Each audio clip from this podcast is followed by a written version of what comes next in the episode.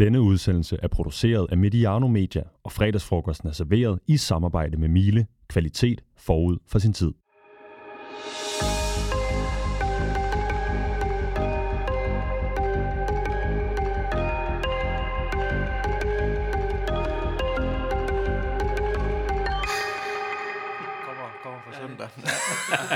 Ja, jeg så faktisk, der kom sådan tre gutter gående hernede. En i Viborg-trøje, midt på Lille Torv. Den nye med kapelli og det hele. Ja, ja. Vi spreder vingerne. Ja, fuldstændig. Ja, det er positivt. Ja, nå. Vi går i gang her. Yes. I fredagsfrokosten snakker vi fodbold, mens Mikkel, han laver mad. Hej Mikkel. Goddag. Goddag.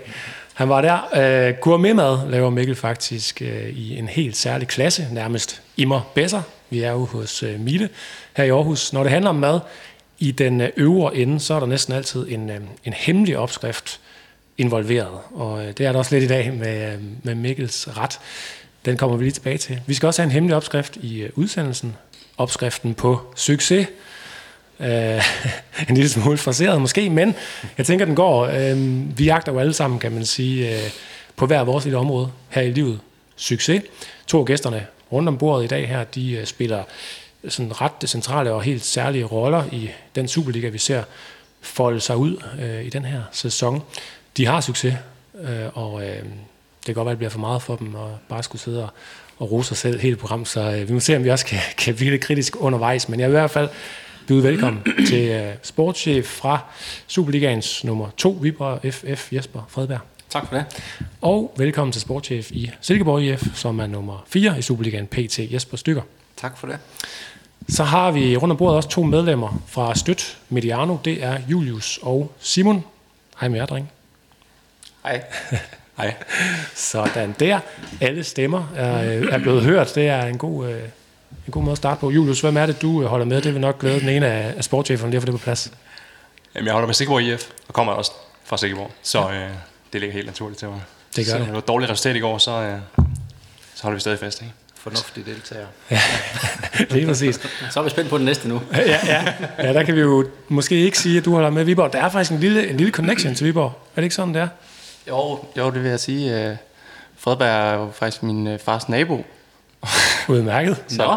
der er en lille connection der, øh, og min anden halvdel af familien er også fra Viborg. Ah, Så spændende. der er lidt der. Jamen, men, så er vi... Øh, så udender vi oddsene. Så ja. lidt. men det er, det er nu AGF, jeg følger. Ja, Det lige kunne præcis. været, vil jeg sige, så det skal du heller ikke. Der er også lidt fortid derovre ja. fra, fra Fredberg. Så det er en af de lokale drenge i Simon, som vi også har fået med ind her i dag i Miles øh, showroom i Aarhus på Lille Torv. Og øh, det er, vi er glade for at være kommet til, til Smilets by, Medianos redaktion, der jo øh, hertil rykker, rykker ud og rundt i landet. Og I to, øh, Julius og, og Simon, skal være hjertens velkommen også til at byde ind med spørgsmål undervejs. Det er ikke så tit, man har to af landets fremmeste sportschefer samlet i, i, under samme tag her, og som Silkeborg-fan også mulighed for at stille sin egen sportschef et spørgsmål eller to undervejs. Øh, Julius og Simon er øh, to af vores frivillige abonnenter i øh, Støt Mediano, og øh, er altså inviteret til, til frokost sammen med jer, to gange Jesper, her i dag. Man må stille spørgsmål, hvad man holder med Silkeborg eller AGF eller, eller Viborg. Jeg har også nogle spørgsmål med fra et par øh, andre støtmedlemmer, så dem ser jeg, om jeg kan få stillet undervejs. Og hvis jeg skal præsentere mig selv, så hedder jeg Adam Møller Kumar. Jeg er normalt vært på øh, nogle andre programmer, men, men ikke her på fredagsfrokosten. Jeg har været med som øh, gæst før. Det er jo dejligt det at være gæst. Der skal man bare læne sig tilbage og nyde duften af maden, der bliver tilberedt, og ja, svare så godt for sig som muligt, og det er jo den normale vært, Peter Brygman, der, der, der kæmper med at holde styr på gæster og manus og alle øh, knapperne på mixeren. Men øh, det bliver min opgave i dag. Det håber jeg, det kommer til at gå. Han sagde, Peter, til dig, Jesper Stykker, for øh, et par dage siden, at du skulle vide, at verden til dagens program engang har arbejdet i og er fra Viborg.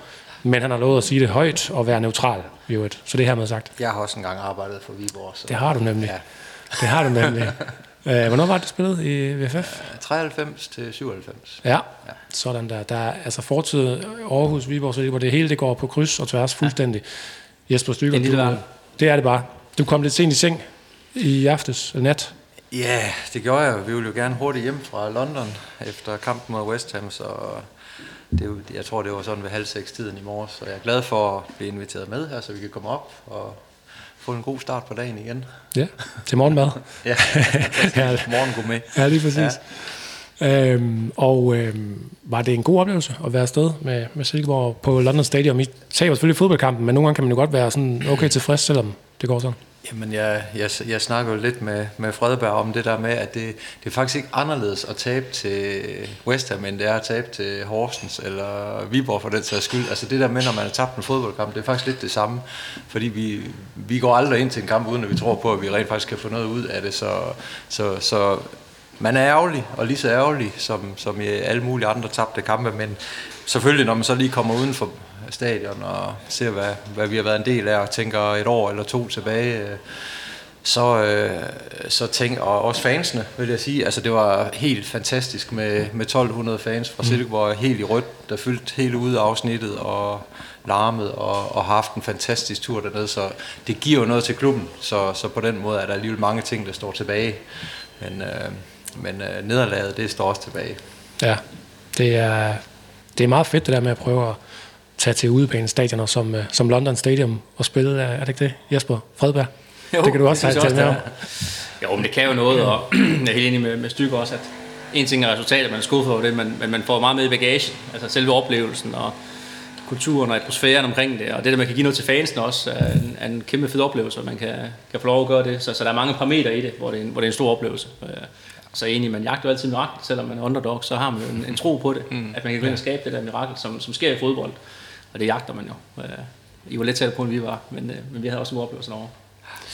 Ja, det er, det er en af mine øh, fornemmeste opgaver her i dag, at se om jeg kan hjælpe jer, der lytter til udsendelsen, ved at huske at putte efternavn på, når vi nu har øh, dobbelt Jesper herinde, så det vil jeg, det vil jeg prøve at, at huske også løbende. Jesper Fredberg, i går i vores format, der hedder Ugen, der blev der talt en del om, øh, om dig og den øh, jobmulighed, kontakt, der har været med øh, det her hold, som Silkeborg også kender lidt til med, i Anderlecht. Øh, det vil næsten være mærkeligt at have inviteret her, uden at, uden at nævne det overhovedet. Hvor interessant et øh, tilbud er Anderlecht for dig? Jamen, øh, det skal man altid holde op imod, hvor man er henne. Øh, og, og det har jeg altid sagt, det skal være et, et uhyggeligt interessant tilbud, for jeg skal væk fra Viborg. For jeg, jeg er et rigtig, rigtig godt sted, og er meget glad for at være der. Øh, så om det, det, øh, hvad næste skridt der bliver i, der tror jeg, der er mange ting, der skal gå op øh, i en anden enhed, for at det kan lykkes. Men Anderlecht er en stor klub, øh, og har en stor historie, så, og det er det, jeg sådan kan, kan sige om det. Men ellers så, så lever jeg i nu, og, og der er jeg heldigvis et rigtig, rigtig godt sted, og meget glad for at være. Så det er også der fokus er, og glæder mig til, at jeg skal have en, en spændende kamp på søndag, hvor vi kan gøre det godt der forhåbentlig. Og du, og du skal ikke begynde at fodre dem med noget til, vi skal spille mod dem på torsdag, jo, fordi det er jo ret vigtig kamp. Det, det, det, så, det kommer vi ikke til, det lover. Ja, der er igen, øh, kryds, altså, igen er fodboldverdenen bare øh, en lille øh, verden, og det hele det krydses lidt her. Øh, jeg har fået et spørgsmål fra en af støt Mediano-medlemmerne i, lidt i forlængelse af, af det her, hvor han skriver, øh, Hej Mediano, spørgsmål til Fredberg i fredagsfrokosten. Viborg har fået meget øh, ros for deres strategi, hvor man på klubniveau har taget nogle beslutninger, som gør, at man i teorien står i parentes, relativt let kan skifte spillere, træner og stab ud, uden det ændrer det store. I forbindelse med rygterne om Anderlecht virker det dog i fankredse til, at Fredberg nærmest er uundværlig, og han er flere gange i Mediano blevet nævnt som det værste salg øh, i godsøjne, der kan ske for Viborg. Men hvis strategien skal være holdbar, skal man vel også relativt ukompliceret kunne skifte ud på sportschef-positionen. Ellers er vi vel lige vidt i øh, forhold til andre klubber. Derfor spørgsmålet, hvad har man gjort? Gør man i Viborg for, at Fredberg ikke er uundværlig, og at en ny sportschef kan videreføre klubbens strategi i tilfælde af, at du øh, takker ja til en ny udfordring? Ja, det er et godt spørgsmål, øh, relevant også. Altså, jeg synes jo, øh, det er jo ikke et enmandsprojekt, øh, Viborg FF. Det er øh, et sammensat hold af rigtig, rigtig mange dygtige medarbejdere, øh, som arbejder i den samme retning. Og jeg tror egentlig, det er det, der har været den største øh, strategi for os. Det var at, at skabe nogle helt klare rammer, øh, hvor vi gerne vil hen, og hvordan vi gerne vil nå det. Og, øh, og når man gør det, så er det også lidt nemmere at sørge for, at alle folk de arbejder og trækker i den samme retning. Og, øh, og så gør det også, hvis man gør det, så, er det ikke, øh, så gør det ikke så ondt, hvis der er en, der lige mangler. Fordi der er mange andre, der trækker stadigvæk øh, og løfter i det. Og det er jo det, vi sådan gerne vil prøve at vise med det, at hvis vi er så tydelige, og kulturen kommer ind i det, så er det ikke et one-man-show, og der er ikke nogen, der er uundværlig. Øh, og så er det klart, at der er nogen, øh, man bliver ked af at skal miste. Det kan være træner, spillere eller ledere. Øh, men det er aldrig verden, det er godt for noget andet, og så åbner sig en ny dør, hvor man finder ud af nogle nye ting og kan være med til at videreudvikle. Og det har vi også sagt i gang med sidst på cheftrænerposten. Jamen, så får vi nogle nye input ind. Det ændrer ikke vores strategi og vores måde at arbejde på, men, men det med lige få nogle nye øjne på det, det hjælper også på det. Sådan, så jeg, jeg synes og håber, at vi er et rigtig stærkt sted øh, med klubben nu her. upåagtet hvad der skal ske, øh, så, så står vi godt, synes jeg. Ja. Han skriver, det er Jonathan, der var kommet med det her spørgsmål, og han skriver jo bare lige til sidst, kæmpe ros til begge klubber for øh, deres arbejde med, med, med de respektive strategier, og især holde fast i modgang. I må være en øh, stor inspiration for alle andre danske klubber. Så der var bare lige lidt, øh, lidt fedteri fra Jonathan, I lige skulle have med her til, til sidst også. Øh, ja, det går jo, kan man sige lige nu, Jesper Fredberg, rigtig godt for Viborg FF. Det gør det også for Silkeborg. Øh, overvejer du sådan i forhold til, til timing, og hvor man er i projektet, om hvornår man er klar til at kunne forlade det, eller hvad kan man sige, om man er, er man er færdig der, hvor man er? Nej, det gør jeg faktisk ikke. Altså, jeg var bare nogensinde på at forlade det, hvis det ikke gik godt. Øh, men det er ikke sådan, man går og har et ønske om, at man skal et andet sted hen. Øh, jeg er rigtig glad, hvor jeg er, og, øh, og trives rigtig, rigtig godt, både i klubben, men også i byen og, øh, og familien. Sådan, så det er ikke noget, man skal gå på krudt på, tror jeg, fordi der, i den her verden, der, der, der er mange rygter, og der er mange ting, der kan influere på en. Øh, og hvis man skal bruge krudt på alle de ting, så, øh, så tror jeg, det tager fokus ikke for det, der egentlig er det vigtigste, og det er der, hvor man er lige nu og her. Og derfor så er det også det, der, der fylder for mig. Det er, øh, han pokker slår vi Viborg, eller måske Silkeborg på, øh, på søndag, og hvordan kommer vi bedst muligt til det, og hvad er næste step, vi kan lave. Og, og kommer der så et eller andet, man skal forholde sig til, så må man forholde sig til det, når det kommer. Men øh, jeg tror på, at man skal ikke gå rundt og jagte ting. Øh, jeg tror på, at man skal huske at nyde, hvor man er, og, og være til stede i det. Og så tror jeg også på, at det er lidt nemmere at være den bedste version af sig selv, øh, og så kommer tingene af sig selv derfra. Udover at tale fodbold her i dag, så skal vi jo have lidt at spise også, og vi skal selvfølgelig have afsløret, hvad der er på menuen, men øh, et par ord først om, øh, om vores partner og de her omgivelser, vi sidder i. Mille er jo altså øh, vores partner på fredagsfrokosten. Konceptet, vi snakker fodbold, mens der bliver lavet mad. Og øh, jeg har lovet at sige, at øh, Mile afholder et stort øh, lagersalg den 8. november, og jeg lægger lige et, et link i shownoterne til udsendelsen her, og også ind i artiklen på mediano.nu. Så kan man øh, så nu man skal rykke, hvis man skal have nye øh, maskiner af den ene eller den anden art. Normalt, der ville vi have i toppen af udsendelsen også lade Sebastian Stanbury blive, øh, eller hedder det, øh, øh, byde ind nu her med en fodboldhistorie i forbindelse med den ret, som vi sådan skal have. Øh, vi prøver at binde det, binde det sammen, og det er ham, der normalt er han med som gæst i fredagsfrokosten også, og kommer med de her gode historier med relation til maden, så skal Mikkel forsøge at vælge menuen, der så passer dertil. Vi har lavet Sebastian blive øh, hjemme i dag, men han har heldigvis sendt os en øh, hilsen, så her der kommer lige et lille oplæg fra Sebastian om menuen, og øh, især du, øh, Jesper Fredberg, skal faktisk øh, lige øh, spidse øre til sidst. Spændende. Dagens ret laves i anledning af, at Jesper Fredberg er gæst i fredagsfrokosten. I et andet Mediano-program, ugen over i Mediano 1-feedet, fortalte jeg i sidste uge, at jeg havde set Jesper Fredberg og tre andre Viborg-folk på Gamle Ulavi i Jødeborg til IFK Jødeborg mod Malmø FF. Jeg spekulerede lidt over, hvad de må lave der. Men sidenhen har jeg så også tænkt over, om Viborg-folkene smagte en lokal klassiker, mens de var der. For IFK Jødeborg er nemlig noget så sjældent som en fodboldklub, der er kendt for en særlig madret. Pydipanna, den svenske betegnelse for biksemad. I IFK Jødeborg er det den ret, man spiser, når man vinder noget. Når der kommer en titel hjem til den traditionsrige klub. Så hedder det guldpyt, og så er der fest i Kammeratgården, IFK Jødeborgs klubhus. Der er lidt forskellige meninger om, hvordan den her tradition opstod, men de fleste er enige om, at det begyndte i begyndelsen af 1990'erne. Og en historie går på, at man skulle fejre en titel, men havde glemt at bestille maden, og derfor måtte tage, hvad der lige var i fryseren. Og der var kilovis af pytipanna gemt til en regnværsdag. I stedet blev det for den dag forbundet med gyldne stunder i Jødeborg. Retten i sig selv er ret klassisk. Den består af kartofler, kød og løg, og så er der æg og røde beder som topping. Jeg har set en svensk kok, der supplerer med kantareller, når de er i sæson. Og egentlig skal pyttipanner laves af Gunn Nielsen, IFK Jødeborgs madmor fra 90'erne, men jeg er sikker på, at Gård Mikkel er en værdig afløser. Så velbekomme til hele holdet i fredagsfrokosten, og særligt til Jesper Fredberg. Hvad lavede du og de andre VFF-gutter egentlig i Jødeborg, Jesper?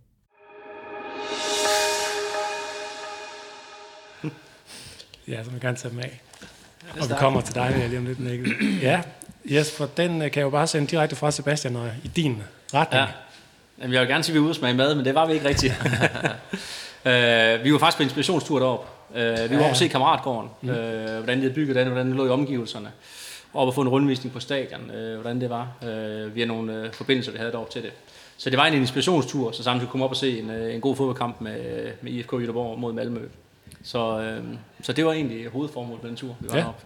Blev der lavet nogle notater om spillere i den kamp, eller? Ja, de var gamle. De var gamle, ja. Det er rigtigt. De spiller med forfærdelig mange gamle. Ja, det gør de godt nok. Ja. Det er, er fantastisk øh, fanscene og kultur deroppe. Øh, stor stemning inde på stadion, der, og de øh, endte også med at vinde 2-1. Men, øh, men, men det var egentlig også det, vi tog med derfra, øh, for det var ikke, øh, det var ikke noget scouting eller, eller noget, vi skulle kigge på. Og den spiller, jeg synes, det var spændende, han øh, skulle nok på en større adresse end til Viborg. Så, øh, så vi tog den gode mad og lidt at drikke og, og noget samvær. Så det var det, vi, vi kom op for. Så er den skudt direkte til hjørnet, Sebastian. Ja. Øh, pyt i panna, Jesper Stykker. Er det noget, du er, er vant til? Øh, Ja, jeg synes, jeg kan genkende det lidt fra min barndom, at det var, jeg ved ikke, hvad om jeg næsten tør sige, det hed det ikke væltede lokum, tror jeg, de kaldte Jeg det oppe i Thy. biksemad, men det lyder bedre. Det der. Men øh, det ser godt ud, øh, sådan de øh, varer, der ligger klar til at blive smidt på panden, må jeg sige. Det er nemlig det. Jeg tror, det er en lidt anderledes udgave af biksemad, væltet lokum eller pyt i panna, vi skal have i dag. Sebastian, han gav os øh, baggrundshistorien omkring de her gyldne stunder og så videre. Mikkel, nu skal du uh, fortælle os, hvad består sådan en pyt i panna af, når den er ala Mikkel? Ja, der blev, der blev kastet nogle, nogle skeptiske blikke over på de råvarer, jeg havde taget med, og, øh, og trukket en mine, men, men jeg har jo valgt, at, ligesom jeg har gjort i de seneste par øh, udgaver af fredagsfrokosten, at lave det sådan en lidt mere raffineret udgave måske. Øh, senest var det de kogte æg, der blev forvandlet til en øh, Ex Benedict, øh, så i dag har jeg valgt at forvandle en øh, pyt panna, eller en biksemad, til en gang øh, klassisk bøf banæs. Og øh, det hedder så, når man laver en, øh, en, en biksemad, at så skal det gerne være på sådan kartofler fra dagen før. Så dem har jeg selvfølgelig lavet øh, i går, men jeg har ikke kogt dem i vand. Jeg har simpelthen tilladt mig at, at konfitere dem, altså koge dem helt møre i smør. Så det håber jeg ikke, I har noget imod. Men en lidt mere raffineret udgave af en, øh, en biksemad med en, øh, en god hjemmelavet banæs også. Ja, og så ligger der noget der, der ligner... Ja, Vagtlæg. ingen, ingen øh, biksemad uden øh, spejlæg. Og hvordan øh, gør man et spejlæg øh, raffineret? Det gør man med, at man tager de mindste æg, man kan finde ned i køledisken. Så I skal have øh, vagtelspejlæg i dag. Det er spændende. En, ja. en meget, meget øh, raffineret udgave af pyt i panna, og øh, vi skal nok øh, løbende forsøge at, at følge med over i Mikkels køkken, og øh, ja, så kan lytterne jo ellers bare drømme sig til, hvordan det øh, kommer til at smage, når vi sætter tænderne i det. Her der kan vi lige høre en lille smule om, hvad vores øh, samarbejde med Mile øh, i øvrigt ellers øh, handler om.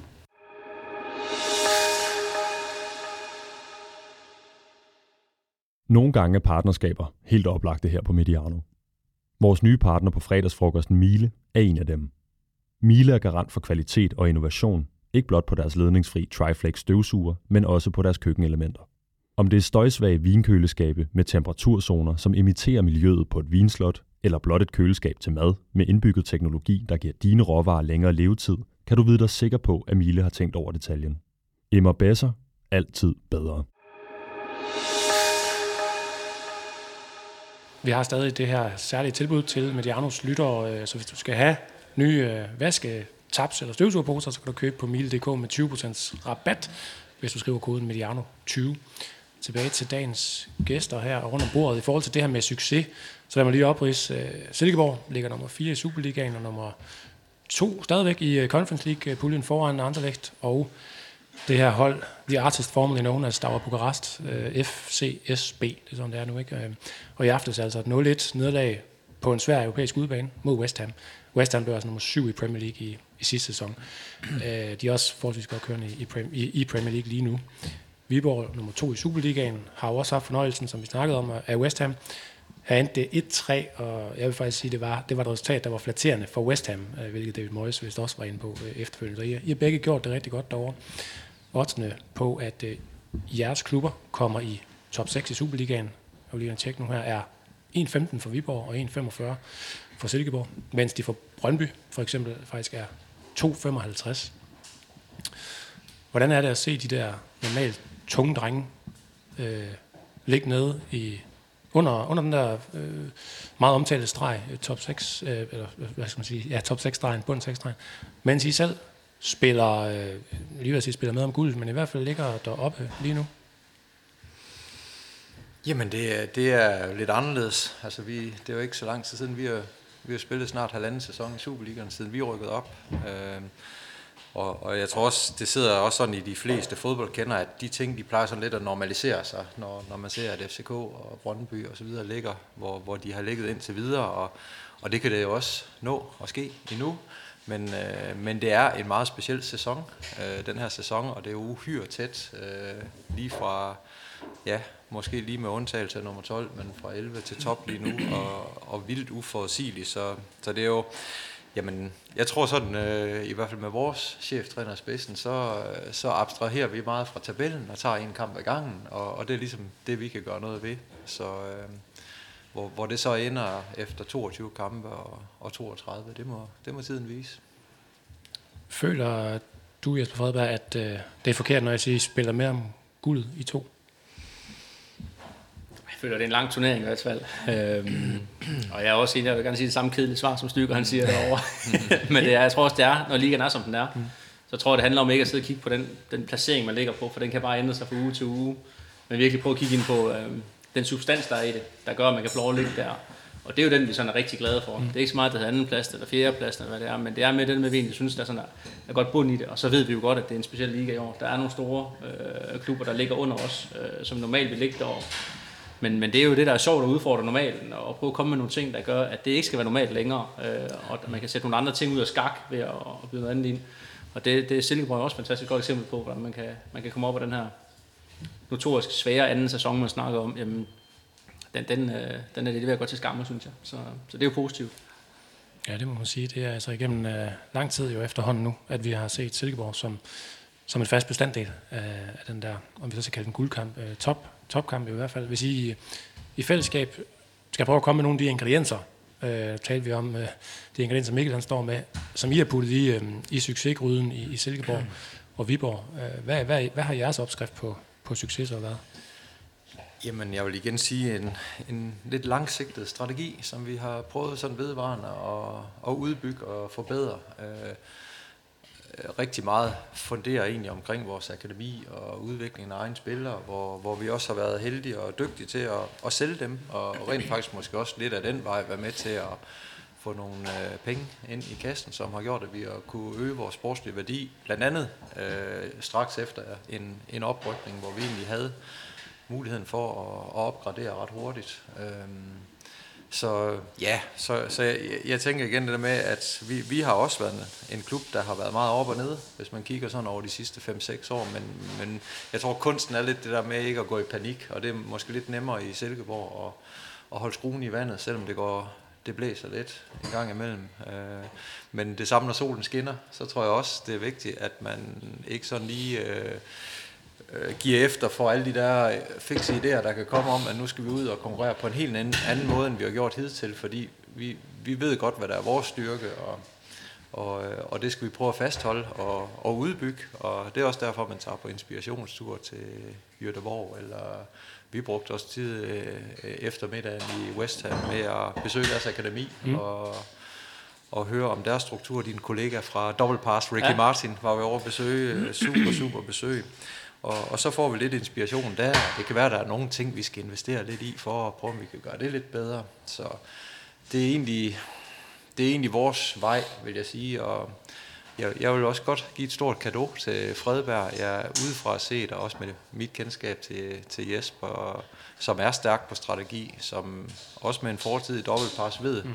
hvad det er for nogle elementer, der skal til for at, at flytte nogle ting i en fodboldklub. Altså, der, der er jo ingen tvivl om, at Jesper har givet et kæmpe indspark i Viborg, som har været rigtig, rigtig godt for Viborg. Øh, jeg tror selvfølgelig også, nu skal jeg ikke kommentere på, om Jesper han skal øh, et andet sted hen, eller være i Viborg, men, men på en måde, så, er, så bliver det jo et fællesskab, man står sammen om. Øh, og hvis Jesper ikke skulle være der en dag, så er jeg også sikker på, at nogle af de idéer, som Jesper han har smidt ind i Viborg, jamen dem er der nogle andre, der kan bære videre. Øh, og, og sådan synes jeg, vi har været enormt stærke i, i Silkeborg. Altså vi har en rigtig stor kontinuitet af, af mange medarbejdere. Vores, øh, jamen det er lige før, man kan tage bestyrelsen, men også øh, især vores direktion med Kent Madsen og Claus Christensen, som, som bare har været med i lang tid og, og, og understøttet de, øh, den vej, vi har valgt at gå. Øh, jeg er også ved at være en gammel traver i klubben og har, har været der i 17 år, tror jeg, og, og, og flere andre end mig. Så så det tror jeg faktisk har en, en konkurrenceværdi i, imod også nogle af de der store klubber, vi er oppe imod, hvor man hele tiden skal, skal levere varen, fordi ellers så, så ryger der nogen ud og ind. Øh, så kontinuitet og, og sådan en, en sikker hånd, det tror jeg også øh, har, har betydet meget for os i hvert fald. Mm. Øh, og hvis man sådan bare lige kort skal beskrive, hvad det er, I, øh, i har i, bag, øh, i bagagen, du nævnte her dobbeltpass, som du, Jesper, har øh, arbejdet med, øh, og øh, du har jo øh, ja, du har en fortid i politiet, militæret. Ja. Øh, du har tidligere arbejdet i Brøndby, fodboldrelateret i AGF her, altså fra øh, 10 til 15 har han noteret her, cheftræner et halvt års tid der. Så var det Omonia og Panathinaikos og Viborg siden maj 2017 og stykker 17 år, sagde du i, eller 20, 2019. Ja. Det, ja, det var, der, der var lige et par år for tidligt ja. ud. Det var dig, der havde været der længe i Silkeborg, Jesper Stykker. Øh, så du 17 år. Øh, sportschef i to omgange, afbrudt af noget, var det udviklingschef? Ja, jeg har egentlig været talentchef i mange talentchef, år, og sådan startede opbygningen af akademiet, og, og var så sportschef og lidt udviklingschef og sportschef igen. Og sportschef ja. igen siden, øh, siden 18, eller sådan ja, der. Yes. Det er rigtigt. Ja. Og tidligere altså spillet også for, for Viborg, som vi var inde mm. på. Øh, nu fik du, Jesper Fredberg, nogle, nogle fine ord med på vejen også fra, fra Jesper Stykker. Hvad, hvad respekterer du mest, når du kigger på det arbejde, der er lavet i Silkeborg her i de her lande år siden, de øh, var oprykker? Jamen det synes jeg, de har været meget tro mod, øh, mod det koncept, de har, har lagt, og den spillestil. Og, og jeg synes faktisk, det går tilbage fra før de rykkede op. Og det er næsten den største kategori, jeg kan give dem, det er, at når man rykker ned, at man faktisk fastholder tingene og, og tror på det, man har sat i søen. Og, øh, og skal man være lidt misundelig over på dem, så synes jeg, at det er det link, de har skabt af deres akademi. At man virkelig har forstået at investere i det, og den betydning, det har været i, og, og også have en strategi om at føre det igennem, at det egentlig skal være en af byggestenene for dem. Øh, og, og der, øh, der kigger lidt besundeligt over, for der synes jeg, vi er lidt efter i Viborg nu. Det vil vi også rigtig gerne, men, men der synes jeg, man kan begynde at se frugterne af det arbejde, øh, Jesper og, og holdet dernede har gjort. Og, og det, det er jo det, jeg synes, der er, der er fantastisk. Men der er mange veje, der fører til succes. Men jeg tror på, det handler om det der med at finde sin egen vej, den der giver god mening i Silkeborg. For det, der giver god mening i Silkeborg, det er ikke ens med, at det giver god mening i Viborg eller i andre klubber. Mm. Så finde det der, den der strategi og det der miljø og den kultur, og så, så få skabt noget sammen der, og sige, det her det er noget, vi kan kigge ind i. Og det synes jeg, der har været en stærk kontinuitet øh, på deres side. Både med unge spillere, men også finde nogle relativt uprøvede spillere i Danmark, mm. som egentlig øh, formår at falde ret godt til ret hurtigt øh, i klubben og komme op og blive, øh, blive en succes for dem. Det synes jeg, der, der fortjener stor anerkendelse. Mm. Man kunne lige høre, at der blev smidt noget, øh, noget kød, kød på øh, komfuret herovre, på, på, på panderne. Ja, det, side. det, øh, det syder og bobler rigtig godt. Jeg skruede lige en lille smule ned her, for at, øh, for at man stadigvæk kan fornemme, at det er det, vi har gang i med madlavningen, men at øh, vi også kan, kan høre gæsterne. Jeg tror, det ligger nogenlunde fornuftigt, det her øh, niveau. Du, øh, du arbejder bare videre, Mikkel, og giver den gas i køkkenet. Du har frie, frie tøjler. Øh, jeg vil lige hive et spørgsmål ind i virkeligheden. Jeg kan se, at øh, I to, øh, Julius, du sidder, I begge to har siddet og noteret flittigt på jeres blog. Har du et spørgsmål, du vil fyre af på nuværende tidspunkt? Øh, ja, hvis der er. Det, er der tid nu? Det er der i hvert fald. Det er lidt svært at høre noget hernede, nemlig. Så. ja, der, der, der bliver larmet i køkkenet, ja, og du sidder tættest på. Det, det bliver rigtig lækkert. Ja. Øhm, det var fordi, som du sagde lige før, så øh, det er lige nu betragtet meget som pioner, altså Silkeborg og Viborg, som pioner inden for det her med, at nu kommer jeg fra en merkantil baggrund øh, uddannelsesmæssigt, hvor vi snyder markedet lidt i forhold til, at budgetterne er meget mindre, men I alligevel konkurrerer på et niveau, som ja, burde være over jeres klasse, hvis man kan sige det sådan. Ikke? Øhm, naturligt i alle mulige andre forretningssteder, markeder, vil de store spillere jo indhente på et eller andet tidspunkt. Altså det vil sige FCK, Midtjylland, Brøndby, så videre. De store budgetter vil jo naturligt komme til at indhente. Hvordan bliver I ved med at udvikle det? Den her er snydemarked, konkurrencemæssige fordel, som I har nu? Jamen, jeg kan godt øh, starte lidt, fordi jamen, du har ret. Altså, der, jeg tror, der, der, det er dokumenteret det der med, at over, over en eller anden 10-årig periode, så, så vil det tit være det økonomiske grundlag for en, også en fod, fodboldklub, der egentlig vil ligge forholdsvis tæt på de placeringer, man nogle gange opnår. Øhm, jamen jeg tror, det er noget med at følge med tiden, fordi fodbold øh, ændrer sig hele tiden, og øh, som fodbold var for fem år siden, sådan er det ikke i dag. Altså, og øh, jeg, jeg tror lige nu, noget af det, vi fungerer godt på, altså både Viborg og Silkeborg, det er en meget fast defineret spillestil, hvor spillerne kender, der er nogle automatismer, vil jeg nærmest kalde det, som er lagt ind i spillet, og, og man kan udfylde sin rolle, og, og det er noget kollektivitet og noget sammenspil, som, øh, som bliver kontrasten til det individuelle. Og de spillere der, som koster mange penge, og som har store lønninger, som løber lidt stærkere, kan lidt mere på egen hånd. Men vores relationer, det kan ligesom udligne det. Og selv mod West Ham, hvis vi måske lige havde nailet den lidt bedre i går i første halvleg også, så kan det faktisk tage alt det der ud af, Så, så det, er, det er sådan en ny vej i fodbold, og, og, og hvis man skal gå endnu dybere og kigge lidt samfundsmæssigt på det, jamen så, hvis man skal se så lidt på nogle negative sider i fodboldens udvikling, så er det jo en enorm kommercialisering og individualisme i forhold til spillere. Det er enormt mange penge, der er på spil i det her, og der, der, altså det udfordrer holdperspektivet. Så, så dem, der kan være rigtig dygtige til det her holdperspektiv og holde sammen på gruppen, og der er noget fællesskab og, og, og holdånd, og det, at man, man også ved, der er en plan, der er en træner, der har en helt tydelig plan for, hvordan det skal føres ud i livet, det er virkelig et stærkt konkurrenceparameter i dag. Men vi vil også gerne putte noget ind i det. Altså nogle gange så tænker man, kunne du tage alle de der topspillere, få dem til at arbejde sammen som et hold, og jamen, så det er måske den vej, vi skal prøve at kigge. Kan vi få noget mere individualisme ind i, i det her kollektive spil? Noget mere fysik måske? Ja, det er nogle gange det er lidt som om, at Silkeborg, det skal altid det skal være små og langsomme spillere. Men altså det, det skal det jo ikke. Altså vi vil jo gerne have nogen med noget power, og, og det har vi også. Så ja, det er også lidt noget, vi har de store hoveder, så kan jeg få lidt også, hvis det er. jeg kan vi ikke uh, bytte lidt 50-50? Nej. Så, så det er sådan nogle elementer, man, man kan overveje, men men det er også uden for banen. Altså i sidste ende, så er det jo på banen, og vi må også sige lige nu, altså vi har en, en, en, en cheftræner, som virkelig har optimeret og perfektioneret vores spillestil, fordi den har været på vej i mange år. Og, og, og har også lige på en eller anden måde været en omstilling, da vi ryger på Jysk Park og får en meget bedre fodboldbane at spille på, i hvert fald, hvor man kan spille meget hurtigere og bedre fodbold. Og ramme de rigtige spillerprofiler i forhold til, hvad det er for en måde, vi vil spille på, og og, og lige nu øh, er, er det et... Øh, det et og, og vi skal også tænke på i virkeligheden, jamen hvad hvis... Vi håber kendt er der mange år endnu, men, men hvad hvis han ikke var der en dag? Altså, hvad vil vi så gøre? Øh, mm. Øh, så det vil jeg sige, det er sådan, sådan nogle overvejelser, der ligger omkring optimering og fremtidsperspektiverne i det. Både i forhold til rekrutteringen, men også det, det der er vores dagligdag.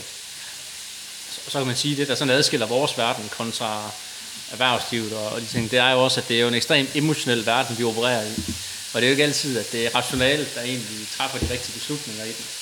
Og der, der tror jeg også på, at øh, når man snakker en holdsport, og hvis det er det individuelle sport, så er det jo den typisk den bedste at vinde hver gang. Øh, men nu har vi heldigvis nogle mekanismer, nogle relationer og nogle forskellige egoer eller teamspillere, der skal spille sammen. Og der har man jo noget, man kan, kan prøve at udligne det her med økonomien, for det er en stor faktor i det. Men det der med at finde sin vej i det, og prøve at finde nogle, nogle andre parametre, hvor man kan udfordre det på det, øh, det, det tror jeg, det er, det er i hvert fald det, der, der, der, der trigger mig i det. At kan, ja. kan man finde de der ting, hvor man sådan kan, kan arbejde med noget kontinuitet, som Jesper siger, være, være afklaret med, hvad man gerne vil, vil se, øh, have nogle klare rammer, så det ikke er, er kaos, men det er måske mere kreativitet, man kigger ind i det, når man har det. Og, og det, er jo, det er jo meget, meget få virksomheder, du ser, hvor de skifter øh, ledende poster hvert år eller hver halvanden år, men det gør man jo her. Øh, og så er der nogle gange, så skifter man nærmest også øh, spillertruppen og en stab, og man starter med noget nyt, for nu skal vi gå den vej, og nu gik vi til højre, for nu går vi til venstre. Det gør, at man aldrig sådan rigtig får nogle langsigtede briller på i fodbold, og sådan virkelig kan sige, okay, det kan godt være, at det ikke var den person, vi skulle arbejde sammen med, vi skifter. Men det må ikke skifte sådan hele vores strategi. Altså, det, det gør de heller ikke i, i grundforskning eller i Vestas, hvis de skal lave et eller andet. Der, der tænker at de stadig kan bruge de samme øh, pumper, de gør, og et eller andet, men, men at de så får en anden leder ind. Og det er jo der, fodbold er en speciel verden, og det, det er jo der, jeg synes, det er, det er jo der, hvor det er sjovt at kan prøve, som ikke kan, kan disrupte det en lille smule, og, og prøve at arbejde med det. ja, og snyde markedet på en måde. Fremragende spørgsmål. Julius, øh, Simon, havde du et, øh, du vil føre af nu? Ellers... Jamen, jeg kan godt lige sige noget i forlængelse til det, som Julius han er... Ja, må også gerne skifte boldgade, hvis du vil. Men... Så vil det være i forhold til, at den kære Peter Brygman, han snakker jo tit om det der med at gå en hylde op, og der tænker jeg, I snakker meget om kontinuitet, ikke? Og så tænker jeg, så vil det være lidt det samme, man vil fortsætte i. Vi spiller øh, lønninger og, hvad hedder det, indkøbspriser, ikke? Er I nervøse for at vil gå en hylde op i forhold til, om det vil ødelægge noget øh, på jeres hold? Nu snakker du stykker om, omkring det her med sammenhold, at man, at man har en kerne, og det kan jo måske blive ødelagt af, hvis man går efter nogle spillere til 15 øh, millioner eller sådan noget, og de har et, et andet form for ego, øh, som kan være svært at, at implementere på et hold. Jeg, jeg tror, altså der er noget harmoni. Øh, det, det er nok sådan meget fodboldrelateret. Altså det der med, jeg tror, der skal være en eller anden ensformighed. Altså jeg tror, jeg tror ikke, det fungerer, det der med at have en, en spiller til 15 millioner i en trup, hvor, hvor den næste dyreste har kostet halvanden. Altså, og, og lønningerne måske lige så differentieret. Altså der bliver, og, og jeg ved ikke, altså det, er jo, det er jo sådan lidt forkert at sige, fordi selvfølgelig er det et konkurrenceparameter, så lidt fortærsket som arbejdsgiver, kan man godt sige, men jeg tror ikke, en spiller bliver bedre af at tjene 150 om måneden, end at tjene 75 nødvendigvis, men så, så for os, og, og noget af det, vi slår på, det er jo også det der med, altså nogle gange får vi jo tæsk, hvis vi sælger en spiller, men det er også det der med at, og, og, og kunne være en platform til det, der er alle øh, spillers drøm, og især de unge, altså det der med at, at bruge det som næste øh, karrierestep, øh, også i forhold til agenterne, som også er en vigtig del af den her verden, at man kan se, at det her det er også en mellemvej til noget, der kan blive endnu større. Øh, så, så, så der kan vi måske gå ind og ramme nogle muligheder for nogle spillere i deres karriereudvikling, som, øh, som er helt anderledes end, end dem, som skal have noget, der bare performer øh, her og nu. Og jeg vil også være ærlig at sige, at det er også noget af det, der udfordrer os lidt lige nu. Altså det der med, nu er vi landet højt sidste år, og, og, og det vil vi jo gerne blive ved med. Vi er jo ikke interesseret i lige at gå fire skridt tilbage for at komme op igen. Vi vil gerne prøve både at blive der og bygge på. Og det, det er lidt en udfordring, fordi nogle af vores profiler, lige fra Wallis til Tordersen og Felix og Ja, altså de er, jo, de er jo faktisk startet med at spille, da vi var i første division, hvor vi rekrutterede dem ind, og det var nemmere at komme ind og spille og få udviklet de her spillere. Det, det er altså bare sværere, også fra vores eget akademi. Det er sværere, fordi der er lige blevet et trin mere, man skal op af, inden man kan komme ind og være helt konkurrencedygtig. Så, øh, det, det er jeg meget enig i. Og jeg tror også, det der med sådan, altså, fastholde sin identitet, men stadigvæk blive mere og mere konkurrencedygtig, sådan så nu håber jeg ikke, spillerne de lytter med her, men øh, så må vi klippe det ud. Ja. Men, men vi, vi vil jo også gerne løfte vores spillerbudgetter, men jeg tror ikke på, at man lige kan gøre det ved, at der kommer en kapitalindsprøjtning ind, og nu, og nu så tager man nogle spring. Så jeg tror, det er noget, som skal ske gradvist. Og så tror jeg, med de klubber, vi er her repræsenteret, så kommer vi aldrig op og skal konkurrere med, med København eller med Brøndby på det ting. Det har jeg vist ikke en intention eller ønske om at gøre. For hele vores strategi og mindset, det er også det med, at vi egentlig skal være et sted, hvor folk kan drømme, komme og være den bedste version af sig selv. Og så er vi egentlig også indstillet på, så vil vi gerne hjælpe dem videre, hvis de skal ud til nogle endnu større adresser. Øh, fordi det er også det, der er med til at gøre dem bedre. Og det er måske det, der gør, at vi nogle gange kan rekruttere nogle spillere, der måske egentlig er lidt bedre, end vores adresse egentlig øh, tillader at hente dem til på. Så, så, så det er også en vigtig del af strategien, at man kan udvikle og, og gøre det. Og det gør jo også, at man så kan holde lønniveauet på, på et godt niveau. Men det er klart, at hvis man skal op og være en fast bestand i Superligaen, og jeg tænker, at vi gerne vil ligge der igen næste år, hvis vi kunne gøre det, vi gør nu her, så skal man også på et tidspunkt begynde at løfte og blive endnu mere konkurrencedygtig på det. Men stadigvæk med respekt for, for den model, man har i det. Og for, og for os så er det lige præcis det der med, at det er, det er kollektivt under individet. Men vi skal have individet til at shine i en kollektiv kontekst. Hvis vi kan gøre det, så ved vi, at vi får nogle individualister, der er spændende. Men hvor de også godt forstår, at det, det, det er ikke egoet over de andre. Det, det er holdet, der kommer først. For hvis, hvis holdet gør det godt, så kommer han også til at gøre det godt. Og så kan han komme ud og tjene mange penge på en anden adresse, hvis det er det. Mm. Det klipper vi altså ikke ud, det der, ja. Frederik. Det bliver vi nødt til at stå. Øh, jeg er det koster dyrt. Ja, der, der er et par spillere, der, der lytter i hvert fald, det er jeg sikker på. Jeg, der var faktisk et spørgsmål også fra en, fra en anden, øh, et andet støttemedlem, der hed Jens, som spurgte næsten om, om, om det samme i forhold til, til Jesper Stykker med Silkeborgs planer fremover med lønstruktur og timeglasmodel, øh, light i forhold til FCK og så videre. Sådan, så jeg, jeg synes egentlig, vi har fået det besvaret meget godt. Og så var der et spørgsmål mere til, til dig, Jesper øh, Stykker, omkring transferstrategi. Det bliver sådan egentlig rimelig konkret, hvor der er, øh, nu skal jeg se, han hedder Mathias, der skriver, øh, med otte kampe ekstra, øh, med, med otte ekstra kampe i et presset efterår, kunne man vel have forventet skader, karantæner, som vi ser øh, nu. Salkvist to kampe, han skriver Brink, Engel, Sonne. Burde I ikke have investeret ekstra kvalitet ind, i stedet for en til en afløsere? Det tror jeg altid, man kunne sige det der, og stille det spørgsmål, det der, hvis jeg skal være lidt frak. Ja. Fordi altså det er jo igen, altså vi har jo sammensat en trup ud fra, ud fra det, vi mente var, var rimeligt, ud fra vores økonomiske formåen, og, og også i forhold til det program, vi havde. Og, og det var jo, vi kunne jo trods alt stadigvæk stille med 23 spillere på holdkortet i går øh, i, i West Ham, selvom vi havde skader i truppen, og jeg tror også, vi kan stille fuld, fuld trup mod Viborg på søndag, selvom der også er nogle karantæner imellem. Ja. Øhm, og ja, og, og ja, ja, altså jeg tror, sådan er det jo altid det der med, altså det, det er altid lidt mere ubeskrevet, altså det, og nu, nu kan det være, at de også lytter med, de her spillere, men det er altid lidt mere ubeskrevet at spille med Lukas Glitten og Robin Østrøm, fordi de har ikke, de har ikke spillet før, og, og, og man sidder med en opfattelse af, at uh, Sonne og Engel, de, de havde med at være gode, og det har de også, men vi får det jo først lidt at se, når de virkelig kommer til at spille, og jeg synes jo egentlig, at, øh, at de spillere bliver også bedre af at, at begynde at spille øh, nu, og øh, det er jo ikke sikkert, at vi bare lige kunne sidde med et eller andet top S på bænken, der bare lige, øh, nu, går, nu går han bare ind og fyrer den af her i, i den her kamp. Så og, og igen, altså vores trup i forhold til vores forretningsmodel bliver også nødt til at have noget potentiale. I for, altså vi har jo nogle, nogle, nogle, en langsigtet plan, for eksempel med Robin, og, og vi har egentlig ikke nogen forventning om, at han skal være stammespiller nu. Det håber vi, at han kan blive, øh, og tror på, at han kan blive. Så jeg tror nok, det er sådan, man må forvente, det skal være i Silkeborg. Vi er 26 spillere i truppen, det synes jeg faktisk er mange. Øh, vi er egentlig normalt sådan lagt os lidt fast på, at det skal være måske 22-24 fuldtidsspillere, fordi vi skal have plads til unge spillere, vi kan lægge ind i transitionen. Og, så øh, jeg synes faktisk, vi har, vi har ramt det okay. Ja, glimrende. Glimrende svar også. Og fodnote kan jo også være ja. det der med, at hvis man nu, nu er man med i europæisk gruppespil her. Det er ikke sikkert, man er det næste år, men hvis man går ind og henter spillere, så er det også sådan en længere periode, man henter dem ind. Som De vil have tre år. Ja, så er det tre år. Så er det for en længere tid, man egentlig belaster det. Så, ja. så, så, jeg er enig, hvis man har ja, ja. så skal man holde fast i, hvad der er den rigtige model, upåagtet, man kan komme ud for lidt større pres. Hvad betyder de der øhm, europæiske gruppespil for klubber som ja? Der er både økonomi, og der er det sportslige i det. Jamen, der, der, der er selvfølgelig noget økonomi, og for klubben... Øh, det er jo lidt den oplevelse, der stod tilbage også i, i går efter kampen. Altså det, det, det giver meget til klubben det her, fordi øh, Silkeborg har, har jo en, en stor historie fra før min tid med mesterskab og pokaltitel og europæiske kampe mod Roma og Sparta Prag og så videre. Og, og det, det tror jeg sådan mange af de fans, der, der stadig er tilbage fra den gang, og deres børn og familier, har sukket efter, og, og nu får vi den der oplevelse igen, og det er jo lige før, man kan se, at det kan næsten holde 20 år, altså i en fodboldklub, det der, hvis det blomster op igen, mm.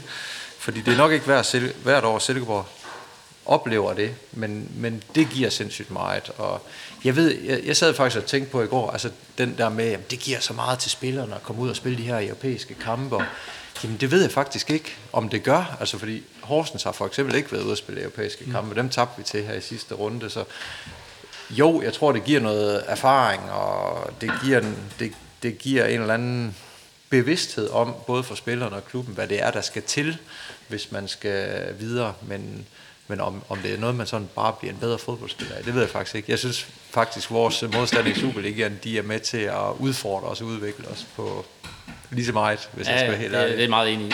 Så, så tror jeg altså, det vi fandt ud af, nu fik vi ikke lov for helt så mange kampe, og det, vi har jo næsten lige så mange kampe, som I har. Det er bare ikke et gruppespil. Men, øh, ja. Men, men det er med det, hvordan det kan samle folk, og det der, som jeg også sige, sådan, altså, hvor meget det egentlig betyder for, for folks selvforståelse omkring klubben, fansene. Mm. Der, der er for, for mig har det næsten været det mest fantastiske at få lov at give det tilbage, fordi det, det har bare fået lov at løfte det, og egentlig også se, hvad fodbold kan gøre, og hvor meget det kan samle folk omkring et eller andet. Øh, I havde fuldt udvalgt afsnittet øh, på London, det havde vi også. Altså det, det, det kan bare noget, og mm. det er jo fantastisk at se. Og så er enig, spillerne de får et, et kig ud af det men, men alle de omkringliggende faktorer, som ikke sådan lige kan måle på økonomi eller, eller sådan noget, det har virkelig stor betydning, tror jeg. Ja, øh, det tror jeg er ganske ret i, og det kan man godt leve på i 20 år, øh, når der kommer sådan en, en tur ud i Europa. Det må godt komme lidt oftere, kan man sige, for jer begge. Meget, ja. ja. Der er et, øh, et stødt spørgsmål her til, øh, til dig, Jesper Fredberg, hvor øh, Kristen hedder han, han skriver, øh, Jesper, øh, du har været flere steder, øh, AGF, Kyberen, øh, Viborg, og så beskriver han dem sådan øh, øh, mellem større klub, øh, udlandet, mellem mindre klub. Øh, Jasper, hvordan ser du forskellen i at arbejde med sammenhængskraft mellem talentudvikling og førsteholds performance? Gribes det an forskelligt i små, skorstræk store klubber, eller, øh, eller vil man det samme, og så er det mængden af ressourcer, der, øh, der varierer, og han spørger også i forhold til, der er forskel på Danmark og Kyberen på, på den, og Grækenland har du også været i. Ja, der er stor forskel. Ja. Øh, Jamen på Kyberen, der, var, øh, der havde man jo kæmpe potentiale, men udnyttede det bare ikke rigtigt. Fordi det var førsteholdet, der havde al attention der. Og øh, der synes jeg, vi, sådan, hvis man tager den danske model, der, der er der en større accept af, at talentudvikling faktisk er en, integreret del af, af de professionelle miljøer.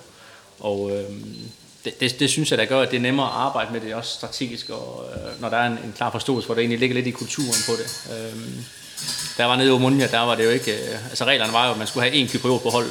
Øh, så, så var det nok det ville være helt utænkeligt at have det hjemme, herhjemme i Danmark. Altså det, det ville vi jo ikke kunne se. Øh, fordi der er så mange gode talentudviklingsmiljøer, og de, og de stiger jo hele tiden. Der er flere og flere klubber, der begynder at investere i det, og det, det er jo også det, der gør, at, at de præsterer godt på klubniveau, men også sådan øh, nationalt øh, begynder at have nogle landshold også, øh, der gør det rigtig, rigtig godt over en længere periode nu her. Så, så, så den kado, der sker ude i klubber, den synes jeg, den er stor, og den, den, er, den er unik i Danmark. Det er også derfor, vi kan konkurrere og egentlig ligger i, i top 10 øh, på det. det. Det tilskriver egentlig, at der er en stor accept af, at talentudvikling den er vigtig. Mere end den er i udlandet. I hvert fald de klubber, jeg har fået lov at være i. Ja. Øhm, jeg kigger lige over mod Julius og Simon igen. Er der i, Simon, du noterede en masse ting. Øh, det må også godt stikke i andre retninger end det, vi lige er inde omkring nu, hvis I har flere spørgsmål. Jeg har en hel masse spørgsmål, men det er lige med at vælge de bedste, hvordan så. det kommer til at fungere, fordi det er jo bare sådan et spørgsmål til Stykker og et til Fredberg, det er jo stikker jo alt muligt. Det vi må gerne tage nogle afstikker. Vi må gerne tage nogle afstikker, så øh, ja, tag bare det, du har mest lyst til at, til at spørge om. Skrevet, øh, i forhold til Stykker, du er lidt inde på sådan bredden af trup, og det er også sådan lidt det, jeg udfordrer i forhold til, at jeg har hørt, jeg har hørt at, øh, at uh, Ken Nielsen han snakkede om, at, at han spurgte spillerne inden hver kamp, om de var 100% klar til at spille. Og I har mange kampe lige nu, og hvis jeg var spiller, så ville jeg jo sige, at jeg var 100% klar til at spille, og, og derfor øh, blive valgt øh, som i startopstilling. Og jeg føler, når jeg kigger på jeres øh, kampe, så er det meget de samme spillere, der bliver brugt. Og som Maja Julius også snakkede om lidt inden øh, I kom, det er i forhold til træthed i truppen og skader, muskelskader, som man måske kan se på spillere som Mark Brink. Øhm, om det er noget, I bruger data til at kigge ind i, i forhold til sådan workload, eller om det bare er kendt, der simpelthen uh, sætter holdet. Jeg vil sige, det er en kombination. Altså, vi, øh, vi, vi har data på spillerne i forhold til, hvor meget de løber, hvor mange højintense løber, og deres dosering og belastning. Og, øh, og, og når du nævner Mark Brink, jamen så det er jo rigtigt, han er en af de spillere, der har spillet rigtig meget og løber så ind i en muskelskade. Og, og, og det er første gang, han er skadet i lang, lang tid. Og på en eller anden måde, så, så er han jo en af de positioner, hvor vi måske ikke lykkes så godt med at aflaste. Fordi, og, og det, der sådan er, er lidt det tossede i det, det er, at, at, at Pelle Madsen var egentlig tænkt til at skulle ind og spille øh, nogle kampe her, og stod til at starte ind mod, mod Randers, hvor han så fik en bold i hovedet og ikke kunne spille. Og det betød jo så rent faktisk, at også fordi Gojani var skadet, øh, så, be, så betød det, at han fik lige pludselig nogle flere kampe, fulde kampe næsten. Og, øh, og ja, måske har det selvfølgelig været med til, at det var ham. Engel har også spillet rigtig meget, og, og jeg kan faktisk huske i en pause det der med, hvor han, han får lidt massage, og jamen, er der nogle problemer? Er du klar? Jeg er klar, siger han så. Og så, så går han så ud lidt ind i anden halvleg. Så, og, og det er den balance, der er mellem, øh, mellem data og, og, og hvad skal man sige, fornemmelse. Og, og, og vi er et eller andet sted midt imellem. Kent, han, øh, han tror rigtig meget øh, på, på hans faglighed og hans øh, føling med tingene, og han har en tæt, tæt føling med spillerne, og meget åben og ærlighed, og, og, og ja, og det, det, det er nok det, vi tror på. Altså, vi tror meget på, på, på det, man, man ligesom ser og oplever på siden, og dataen støtter det, hvor andre er måske mere datadrevne i forhold til det. Og det, det er jo et valg, vi har truffet, og, øh, og når jeg sidder sådan og, og kigger på det som sportslig leder, jamen, så har jeg kæmpe tillid til, til Kent, fordi han har en kæmpe erfaring, og han har den føling med det, og ja, så er der kommet et par skader nu, men prøv at høre, vi har været rigtig heldige, eller dygtige, eller hvad det nu er, fordi vi har faktisk haft rigtig få skader i, i det her efterår, så ja, jeg tror, det er ikke sådan, vi, vi vil ændre på noget ud for det. Der, der skal mere til, hvis, hvis det er det. Ja. Og det er bare svært at finde en recept mm. på tingene, sådan, mm. altså den helt rigtige, men, ja, men det er jo sådan noget med at have den der følelse af det, og mm. så kan man jo ind og kigge på loadet, hvor, hvor presset er de nu her, kan vi se, at de, de, de, de kan levere lige så meget kraft, som de kunne for, ja. for fem måneder siden. Og hvis de ikke kan det, også skal vi se. Og, det, det kan man måle på. Ja, ja lige præcis, eksempel, og, og det gør man jo. Og, mm. og så er der nogle fysiske træner, der også har et stort ansvar, der, ja. der skal slå lidt med cheftrænerne, for cheftrænerne, de kigger jo i weekenden. Der skal, der, skal, der skal vindes. Mm. Det er det vigtigste for mm. dem. Uh, og spilleren, nu skal spilleren heller ikke efter her, men det er jo også nogle gange ligesom børn, nogle gange så skal også være en voksen, der siger nej. Fordi ellers så siger de bare ja. Fordi de ved det der, og det er jo fedt, de ved det. Det er jo en passion, der, der virkelig brænder. Øh, og det må man bare tage hatten af for, hvor meget de egentlig vil ofre sig for, øh, for holdene, og, og gøre de ting der også, selvom der, der er potentiale i det. Så det er sådan hele tiden en god balancegang. Det er meget enig med, hvor, hvor skal man lige, hvor vægter den hen, og hvornår må man sige stop, og hvornår må man sige go. Jeg tror også, øh, Bernæsen er ved at finde en god balance. Mikkel han giver så skal vi fuld gas med øh, ja, der, så, så serverer Mikkel bare stille og roligt, når, når der engang er, er klar, ingen stress, øh, så kan I bare øh, begynde, mens vi, øh, mens vi taler lidt videre og spise. Øh, data snakker vi lige en lille smule, eller du spurgte os ind på, på det her nu. Jeg kan bare til at tænke på, hvor meget bruger I også kvæg de øh, nye ejere, Jesper Fredberg i, i Viborg, data til at blive med at snyde markedet, så man bliver med at bruge den øh, formulering? Jamen, jeg tror, data, det er, det er noget, der kommer for at blive. Og jeg tror også, det bliver en, bliver en større og større integreret del af det.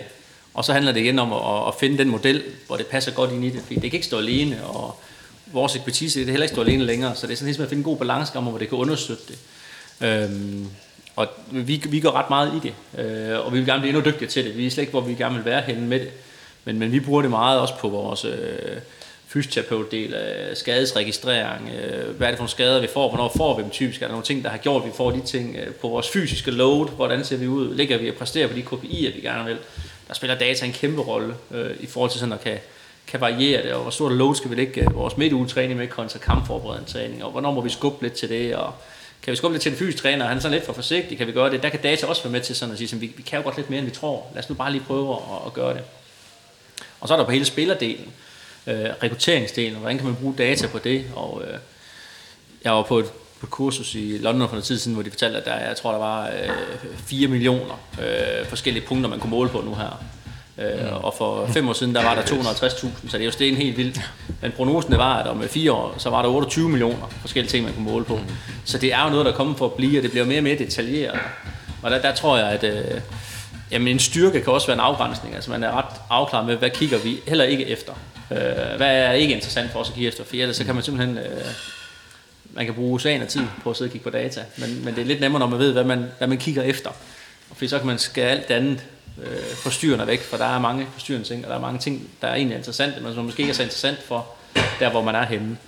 Øhm, så, så vi bruger det meget, øh, og vi bruger det på, på mange forskellige parametre, i forhold til sådan at styrke os i at tage de rigtige beslutninger. Øhm, og, og når man ved, hvad man skal lede efter, så bliver det også lidt nemmere at kan bruge det som et, øh, som et hjælpeværktøj, i stedet for en, som nogle gange er næsten en forvirring. Mm. ja, en god, god pointe der med at så skulle sortere i alt det, man har tilgængeligt. Jeg, jeg tænker måske, at jeg kan komme med et godt eksempel mm. på, sådan, sådan helt inden for væggen i Silkeborg, på hvordan ja. vi kan diskutere data. Fordi jeg kan faktisk huske, da, da Kent uh, Nielsen startede, og, og, og så holdt vi sådan et møde med vores fysiske træner, og skulle ligesom forventningsafstemme og, og alt det her. Og, og, og Rasmus, vores fysiske træner, han fortæller jo så blandt andet om det her med højintense løb, at det er noget, vi har fokus på, og vi har nogle kopier på og sådan nogle ting. Og så, så er det så kendt, altså det, det der er fantastisk ved ham, det er, at han, han, han stiller spørgsmålstegn ved det her, og så siger han faktisk, jamen, jamen hvad nu, hvis øh, de der højintense løb, det er fordi, han for sent har set, hvor det er, han skal hen, og så får han pisse travlt, og så skal han sprinte derhen, i stedet for, at han er stået der i forvejen. Det har da været meget bedre. Ja. Og, og det fortæller jo meget godt, altså, hvor, hvordan det kan gradbøjes det her. Og, og der skal jo, altså man kan ikke bare måle på de her løb. Der skal være en træner, der, der kan se, øh, skal du løbe dem? Øh, hvor er det, at de, de, de kan have effekt på vores hold, og hvilke spillere, og i hvilke positioner, og i forhold til modstanderne. så det bliver så kompliceret.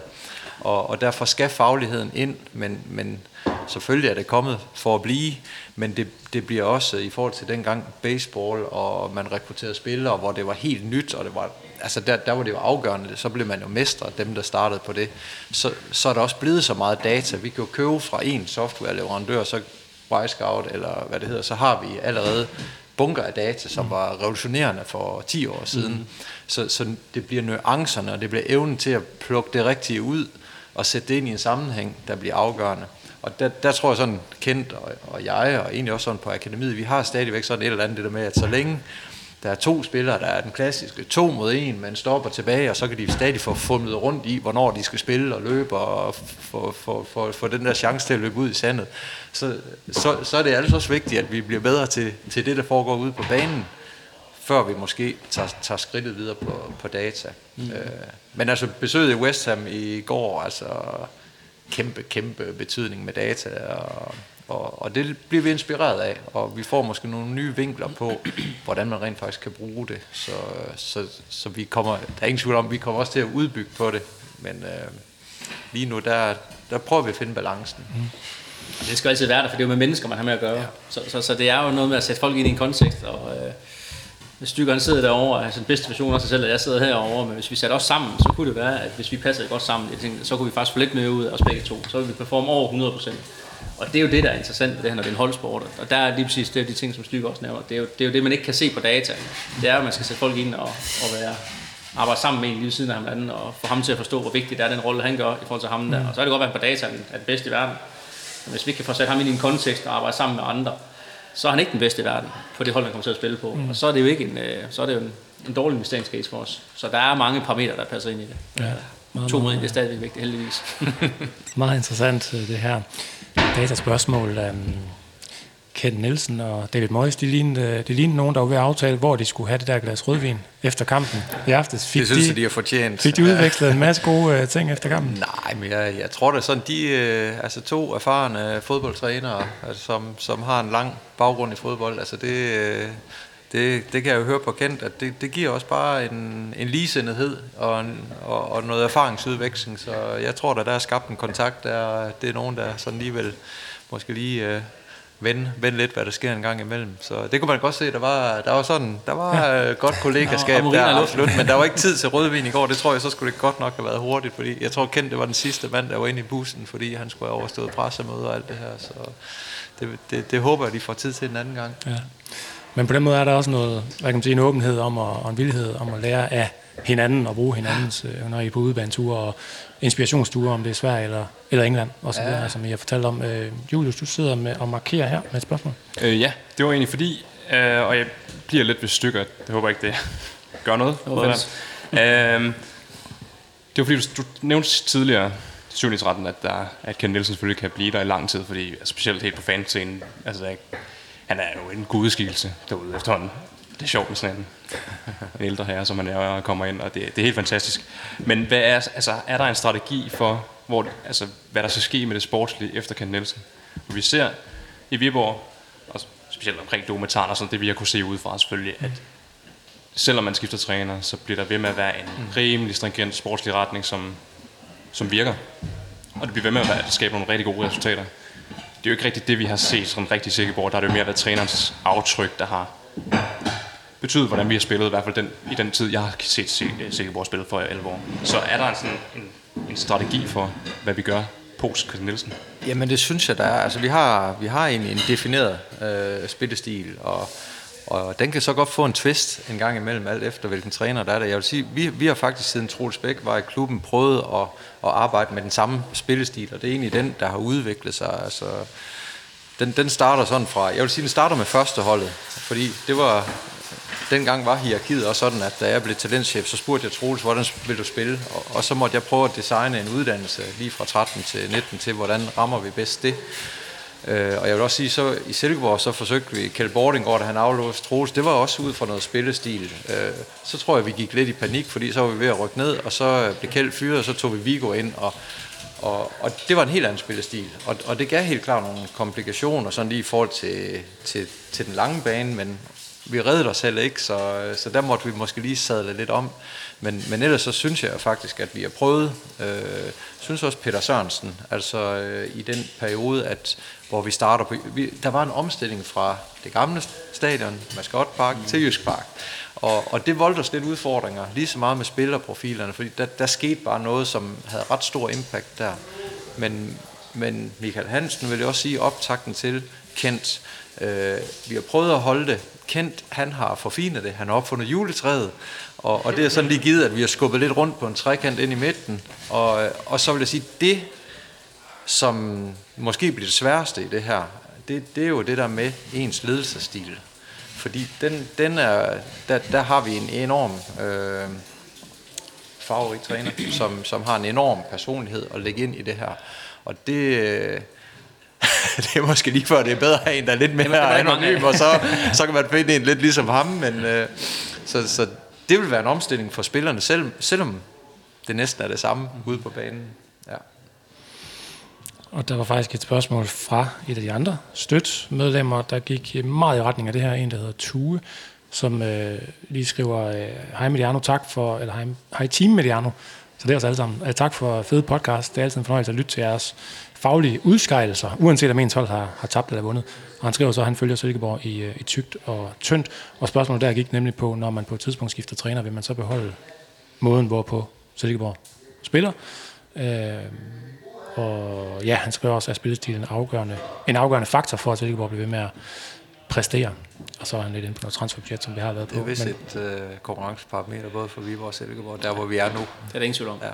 ja, Det er det. ja, hvor den er så tydelig, at det, er, det giver jer den competitive edge. Også Viborg. Altså Ja. det, det må jeg sige. Altså, jeg synes også som oprykker, at det, det så man meget hurtigt. Altså, vi, det var spændende. Vi vidste ikke, hvordan vi ville stå i det, mm. fordi vi havde øvet os et år i første division, mm. men, men vi troede på det.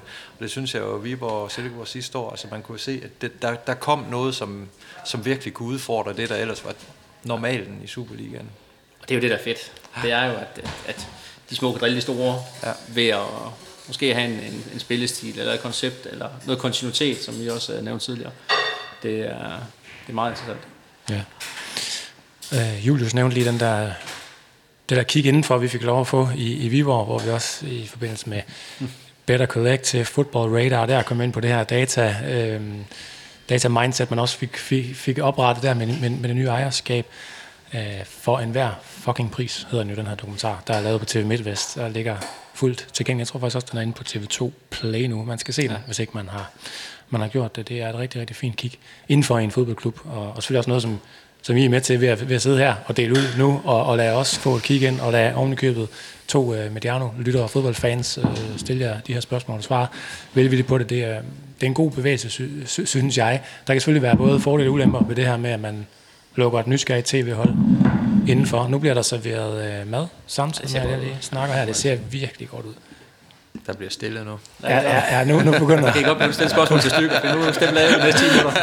Øjnene er altså i gang med den der tallerken. Det er fornemt Mikkel. Simpelthen uh, super lækkert. Uh, bøf, banæs, biksemad, pytti panna uh, i en... Uh, jamen det ser... Den der banæs der, den, den ser god ud, og så de her kartofler, som uh, lavet i går, og stegt i, i, det helt, i det helt rigtige, kogt i det helt rigtige, ja. Kødet er øh, rødt og velduftende. Det, vi glæder os til at sætte tænderne i det her, og de her vagtelæg, altså også som de mini, mini spejlæg. Øh, nej, Jesper og Fredberg, jeg må bare lige tænke på i forhold til sådan noget, at tage en afstikker i forhold til den, øh, den her dokumentar, som jeg tænker, der er mange af vores lyttere, der sådan har set, og dermed er det så det kendskab, man har til, til Viborg øh, FF, eller, eller det, det er sådan en, giver jo selvfølgelig en ekstra øh, del. Har, har du tænkt over nu her efter, at dokumentaren er sendt, og nu er det selvfølgelig efter noget, noget tid, hvorvidt det har givet jer noget, og hvorvidt det måske har øh, har kostet noget, eller hvad, hvad der var det gode, og hvad der måske var det mindre gode ved at, at lukke til hold ind i en, en klub? Ja, det er klart, og det, jeg tror, det var, det er nok nogle af tingene, kunne man godt se frem i, i fremtiden, det kan vi godt forvente at komme til at ske. Og så må vi også kende, der er også nogle ting, nogle afledte effekter af det, som man ikke kunne se, før man egentlig står i det, eller faktisk er bagefter det. Øhm, vi fik mulighed for at se, igennem, se afsnit igennem, inden det blev sendt sådan mm. løbende. Og da vi får det første afsnit, så sidder jeg med min kone og ser det, og hun siger efter en halv time, sådan, hold op, hvor bander du meget. og, og, så er man lidt ærgerlig over det, fordi jeg har jo filmet alle de andre afsnit også, men det kan jeg jo ikke lave om. og jeg tror, det, det giver sådan et godt billede af, hvad det er for en verden, vi er i, for det, det er bare en emotionel verden, og der, der er meget følelser, og man er, man er på, når man er på.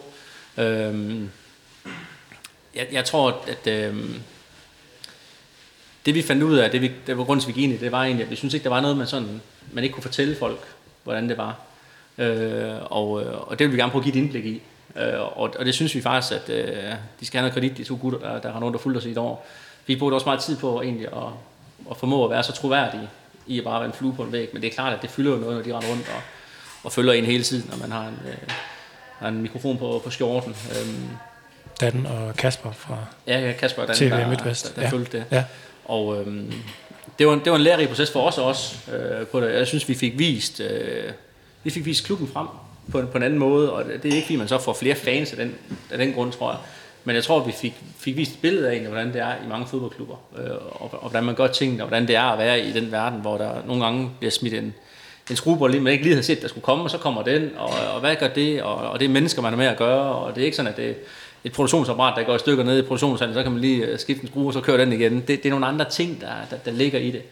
Øhm, og så er der selvfølgelig nogle ting, man siger, okay, det har vi ikke set en effekt af det her. Hvad, hvad, det, det har vi ikke lige set, at det var. Og, og det, det lærer man også af, og det bliver vi også dygtigere på. Sådan, så der, der kommer ikke en sæson 2 øh, nu her, men, men det, var, det, var, det var sjovt at prøve, og det var også godt at være med i det, men det var også øh, det var intenst, og det var hårdt. Synes. Ja, så, som, som hvad skal jeg jo så spørge de her ting?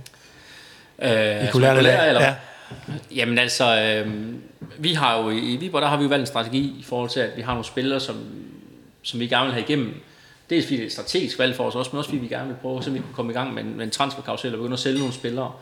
Øh, og der var det vigtigt for os, at man kunne, som klub kunne have nogle langsigtede briller på, at vi egentlig skabte et miljø, hvor vi ikke kun gik ud i weekenden for at skulle vinde en fodboldkamp, og så var det det, vi øvrede på, men det egentlig også var præstationerne i dagligdagen, vi sad og gjorde på. Øh, og det gjorde vi egentlig for at tage lidt pres af cheftræneren også. At det var ikke det vigtigste for os, at han gik ud og vandt i weekenden, men han skulle vinde på den rigtige måde, så han kunne gøre det på det. Men vi troede også på, at hvis man kunne, kunne udvikle over en længere periode, så ville det gavne os. Både resultatmæssigt, men også forretningsmæssigt i forhold til at kunne komme tættere på. Og der træffede vi jo nogle valg på nogle spillerpositioner, hvor vi, hvor vi gik ind og sagde sådan, det, han har lidt længere snor ham her. Der er fri konkurrence, men hvis den er lige, så er det ham her, vi skal igennem, fordi det kan vi se, der kan være et længere perspektiv i. Og, og det var vi meget åbne om. Mm. Men det kan da jo godt, når vi er åbne om det i et lukket forum i en klub, at, at spillereglerne er sådan. Når det så lige pludselig bliver ud til hele Danmark, så kan det jo godt ramme nogle spillere på en anden måde, som vi egentlig ikke havde tænkt, hvis det ikke havde været en udsendelse, at vi skulle kommunikere ud om på den måde.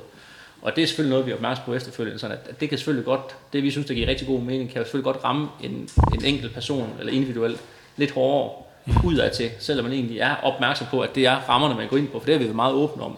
Altså det er de præmisser, man bliver hentet til på.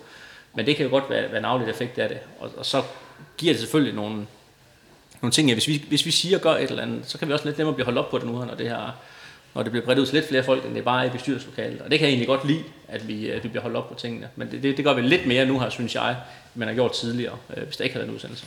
Ja, det er selvfølgelig rigtigt. Det er på, på bånd det her, med ja. hvor meget du banner, og, hvor, ja. og hvad du ellers uh, siger jo. Det er meget af ikke længere. På den måde. Jeg har taget noget bestik nu uh, rundt om bordet, ikke også? Og det er næsten en fornærmelse, hvis ikke vi går i gang, mens det er varmt og sprødt det her.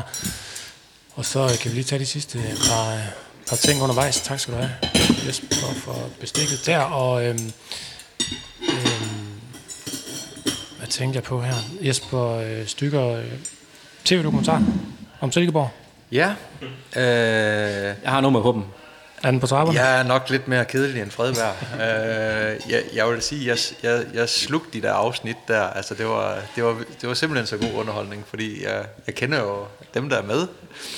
Uh, starring uh, Fredberg, Morten Jensen og company. Uh, altså, jeg, jeg må tilstå, jeg, jeg, vil, jeg vil godt nok vride mig lidt, hvis, øh, hvis der kom nogen og sagde, at det skulle vi igennem, fordi der foregår bare så mange fortrolige snak og altså, øh, løbende i en fodboldklub øh, ud over de formelle møder.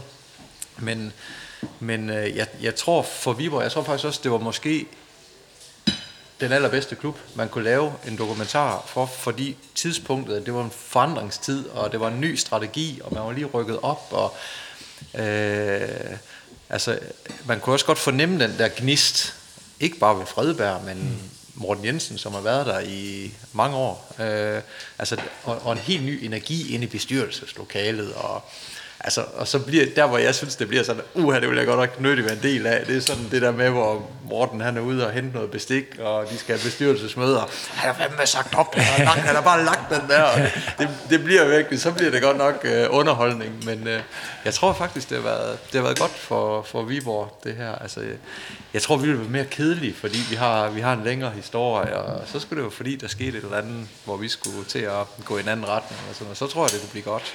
Ja. Så, det er i hvert fald et rigtig godt indblik i øh, også, øh, også livet som, som sportschef, jo, øh, man, man får her, og som fodbolddirektør, som Morten, i Morten Jensens tilfælde. Men øh, ja, de vil være lidt mere kedelige øh, over i Sellingborg, siger, siger Jesper Stykker og Jesper Fredberg, ja, det hvis, hvis det kom der. Øh, hvem, hvem i Viborg, øh, Fredberg, kunne egentlig øh, mindst lige at have det her kamera i fjeset? Altså, øh... Du er rimelig senevand, så jeg tænker ikke, det var ikke dig, der var så... Nej, nej det var ikke frygteligt, det. men det var heller ikke noget, vi sådan synes, der var det fedeste i verden øh, at have det. Jeg tror, at vente, når man siger, den der mest skuffet ikke var mere på, det var Christian Sørensen. Ja, selvfølgelig. ja. Så det, det, det, tror jeg, han har været ærgerlig over, at han ikke fik en fast mikrofon. Ja. Men, men ellers synes jeg faktisk, folk, øh, det, er også, det er også et tillidserhverv, man har med dem, der skal komme og filme det. At man, at man er tryg ved dem. Og det formåede de ret hurtigt at skabe et, et rum, hvor man var behagelig ved at være, være i rum med dem. Ja. Og det, det gjorde meget, synes jeg. Så øhm, det, der var ikke nogen, der, sådan, øh, der var ikke nogen, der gemte sig, synes jeg. Men, men det var intens, når man var i det. Så det, det var også... Øh, alt godt havsen inde. Og det var, det var på et godt tidspunkt, vi valgte at gøre det, synes jeg. Han får nogle øh, rigtig vilde øh, europæiske oplevelser lige nu, Christian Sørensen, så til gengæld, og masser af tv-interviews i, øh, i FC København, tror jeg selvfølgelig. Det gør han også i Viborg. Han, han, han er jo også scenevandt øh, foran det kamera der. Øh, de her europæiske ture, I har, har, har gang i nu her, Jesper øh, Stykker, er der, er der en oplevelse derfra, eller en røverhistorie, som, øh, som vi kan få, som I oplever nu her i, i jeres vej igennem gruppespillet?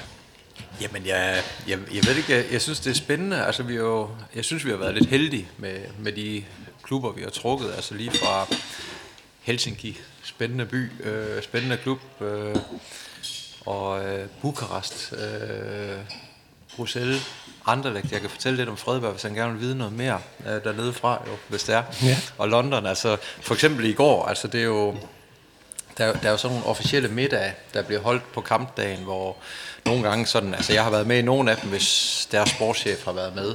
Øhm, og altså i går, der var vi så, det, det var virkelig ekstraordinært, altså det var sådan President Suite, og altså man kommer op, Trevor Brooking sidder til bords med os, en af legenderne i West Ham, og og, og ja, altså virkelig slips på, og total dresscode. Jeg kom bare i mit øh, normale øh, sif blazer og, øh, og røde slips, jeg har fundet frem til dagen, men var totalt underdressed i forhold til og maden. Og, så, så det, øh, og ejerne var til stede, og det, nu må de ikke køre med i London. Jeg vil sige, der var sådan en tendens til, at konerne, de var langt yngre end, end mændene, vil jeg sige, og, og også sådan, øh, de, de var, de var godt med.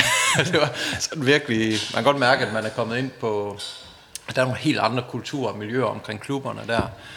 Øh, Men fedt igen, altså også at sidde med rumænerne til en middag, hvor øh, jamen sådan lidt, man, man godt mærke lidt stiv i betrækket, men når man så kommer ud og spiser sammen og får ikke går med mad som nu, men noget i, i stil med det, og får et glas vin, og, og altså så, så møder man hinanden. Altså det der med fodboldkultur, der mødes, er faktisk vildt spændende. Og øh, ja, og der, der synes jeg virkelig, vi er kommet godt omkring med Anderlecht, West Ham, øh, Bukarest og, og Helsinki. Det, det, har været, det har været en kæmpe oplevelse at møde de her mennesker og, og klubber og, og høre, hvad det er, de står i. Og det, det, det synes jeg har været vildt fedt. Og det er jo bare kultur på helt forskellige måder. Vi, vi fik jo Litauen og, og Færøerne. Og jamen, at komme op på Færøerne og lov og, og se, hvad der er derovre, og spise med dem og deres bestyrelser, og det, det, det kan bare noget. Og det er jo det der med, at man kan, man kan samles om noget. Det kan godt være, at man kæmper ned på banen, men man kan faktisk godt sætte sig op i noget lidt højere, og en og sidde og kigge hinanden i øjnene og sidde og snakke om, ja. om fodbold og vente. Og for os kom det jo det gode ud, at vi, vi fik nappet en spiller for dem, for vi synes faktisk, han var så dygtig. Så, ja. så, så, så, det får man jo også noget ud af, når man kommer rundt og, og ser nogle andre hold og der kultur, kommer ud ikke af gæstfrihed, så... Ja. Jeg er spændt på, hvem I har taget på West Ham eller. Ja, det er... øhm, det har været spændende også at følge jer selvfølgelig rundt i, uh, rundt i de her europæiske kampe indtil videre, og det er jo forhåbentlig langt fra uh, slut. Silkeborg er stadig på andenpladsen, og der er den her kamp mod Anderlecht. Hvis der skal udveksles yderligere detaljer om Anderlecht, så må I tage den over en, uh, en dessert her efterfølgende. Uh, to uh, sportschefer i et par klubber, der jo for ikke så længe siden havde status af uh, divisionsklub, ikke Superliga-klub, og lige nu altså spiller med helt op i toppen, imponerede os alle sammen i sidste sæson ved at blive 3 og 7, komme ud og få de her europæiske kampe, og nu, øh, nu er I der del med igen. Det er, øhm, det er ganske imponerende, og I mødes altså igen på, øh, på søndag kl. 16 på Jysk Park i Silkeborg, som vi har øh, fået nævnt. Fredberg, han er stemt ud af i gang med mad. Hvordan smager det, Fredberg? Det smager rigtig, rigtig godt. Det er Det glimrende. skal være gode spørgsmål nu for Hå- Håber du på trætte Ja. ben hos øh, Stykker og Company efter London strabasserne søndag? Ej, jeg vil da sidde og lyve, hvis jeg ikke øh, op i mit hoved, så jeg tænkte sådan, okay, det, det er da ikke verdens dårlige tidspunkt, at skal møde Silkeborg på. Vi ved selv, hvordan det var at skulle rejse hjem fra, fra London midt om natten med, med fly og, og komme hjem, og der, der har man bare lidt træt ben og hoveder. Øh, men, men altså, nu kender vi også Silkeborg, de spiller på hjemmebane, de har en, en god bane, de er vant til at spille på, det er et godt hold, øh, og de kommer også med godt flow øh, og resultater, sådan, så det bliver en rigtig, rigtig svær kamp, men det er en kamp, hvor vi tænker, at øh, det er ikke en, det er ikke en ulempe for os, at de har spillet en kamp torsdag aften. Det synes vi ikke, det er. Så, så jeg håber da på, at vi kan komme ud og, og trykke godt på, og, og komme med noget af det power, vi gerne vil vise, og så byde dem op til, til forhåbentlig en rigtig, rigtig god fodboldkamp. Stykker, er du tilfreds med maden? Har du noget at smage den? Ja, det har jeg. Ja. Ja. Det, det smager virkelig godt. Altså, sige, især det der kartoffel, æg, øh, ting der, det, det, det går virkelig, det er godt lavet. Compliments to the chef, ja. Mikkel. øh, hvad forventer du, Jesper Stykker, når de Ja, top, top, altså, et af jeg, jeg må jo også tilstå, altså det, øh, altså, vi, vi, det, det er da en udfordring. Jeg, jeg tror på, at vi nok skal være friske. Altså, Øh, det, det har været min bekymring inden det her efterår, med, da, da vi vidste, at vi kom i gruppespillet der, at øh, det, det der vildt komprimerede kampprogram, øh, det, det trækker der tænder ud. Jeg synes, det er gået rigtig godt indtil nu, og jeg synes, at vi, jeg synes, vi har så lige kunne se på det seneste måske, at der har været en eller anden effekt, hvor, hvor vi måske har været lidt slidte sidst i kampene. Så, øh, så altså, jeg synes, det er gået godt indtil nu, men, men det er også det er måske lige her indtil den 12. Det, det, det stramme program, det bare kører på, så, så, så det er nogle vigtige kampe, og ja, altså vi, vi kommer til at give den fuld gas. Jeg synes kendt, og spillerne har været dygtige til at, at få, få renset ud, få lagt kampene bag sig lynhurtigt, og jeg er sikker på, at nu her træning kl. 2 i dag, altså de er allerede i gang med, med Viborg, og hvordan øh, det skal håndteres. Og, og, og kampen i går, den er bare parkeret, fordi vi kan ikke bruge det til noget, og, og, og det, det, det synes jeg virkelig, de har været dygtige til, så jeg tror, vi er klar, og jeg tror også, sådan fysisk skal vi nok være klar. Øh, det kan godt få et eller andet i løbet af kampen, men øh, det kan også være, at vi, vi har fået doseret det godt, Fredberg, kan jeg ja, sige. Altså, jeg kunne godt se, at du kunne næsten... Øh, ja. Nej, jeg tror faktisk også, jeg tror faktisk fysisk, der tror jeg faktisk, man kommer ind i et godt flow. Det oplevede vi jo, et ja. godt matchflow. Mm. Ja. Men det kan være noget mentalt i forhold til, hvor man rejser, og nu må sige, nu, nu er I kommet, nu har vi godt igennem det hele før. Vi kunne ja. mærke, at vi skulle spille i AGF første gang det var ikke en god kamp, vi leverede dernede. Det, det håndterede vi ikke på en ordentlig måde i forhold til, hvordan det var at rejse og komme tilbage igen. Men det var jo ikke, fordi vi var fysisk trætte, at vi så, så skidt ud. Det tror jeg helt sikkert, det havde ja. mentalt, ja. øh, i forhold til at kunne få fokus igen og lande og være klar til en ny opgave. Og, ja. og det kan være sådan nogle ting, der kan være med til at spille ind. For jeg er helt enig, de er, det er topatleter, vi skal ud og møde, så det skal og, de nok øh, Og fokusen nok er ikke så meget på, om, oh, bare vi nu ikke er trætte. Altså fokusen er på, om, om vi kan tage noget af det, øh, fra, fra en rigtig dygtig modstander, vi lige har spillet mod, om vi kan tage det ind i kampen mod Viborg mm. og, og prøve at, at bruge det til noget positivt og få måske komme med, med vores allerbedste niveau. Så øh, ja, det bliver spændende at se, om vi er oppe på duberne på søndag. Jeg kan fornemme, at der er en... Øh, det skal I være. Ja. der, det her kan jeg fornemme, at der er en god underholdende kamp ja. i Silkeborg på søndag. Og jeg kan også fornemme en, øh, en god gensidig øh, respekt på, på tværs af bordet øh, fra, fra jer to. Jeg øh, vil kaste mig over maden nu også, øh, ligesom I andre her. I skal bare spise videre, Julius og Simon, I må øh, få lov at fyre nogle spørgsmål af, når vi har lukket ned herfra til, øh, til de to her, det sidste, I har på bloggen. Kommer den på bagsiden? mange flere. Det, det ja, nu kommer bagsiden. ja, men... Lad mig sige tusind tak til alle omkring øh, bordet for at være med i udsendelsen her. Øh, Simon og Julius Støt Mediano, øh, medlemmer og lyttere. Tusind tak. De to herrer, sportschefer i henholdsvis Silkeborg IF og Viborg FF Jesper Stykker. Tusind tak. Selv tak. Det Jesper Fredberg. Ja, selv tak. Fornøjelse. Det har ikke været alt for slemt. Nej. At få serveret bøf banæs. Nej, den, den, den, den hæver niveau, så det er fantastisk. Ja, ja det, den, det var ikke så godt, men den, den, den kunne spises. Nej, det har været rigtig fint. Det er simpelthen ja. så fint. Jamen, øhm, så vil jeg sige uh, tak til uh, Mikkel også for en dejlig pyt i panna. Tak til Mile for at huse os. Du, lytter, har været med til uh, fredagsfrokost. Vi ønsker selvfølgelig alle derude en god weekend. Vi er Mediano. Vi høres ved.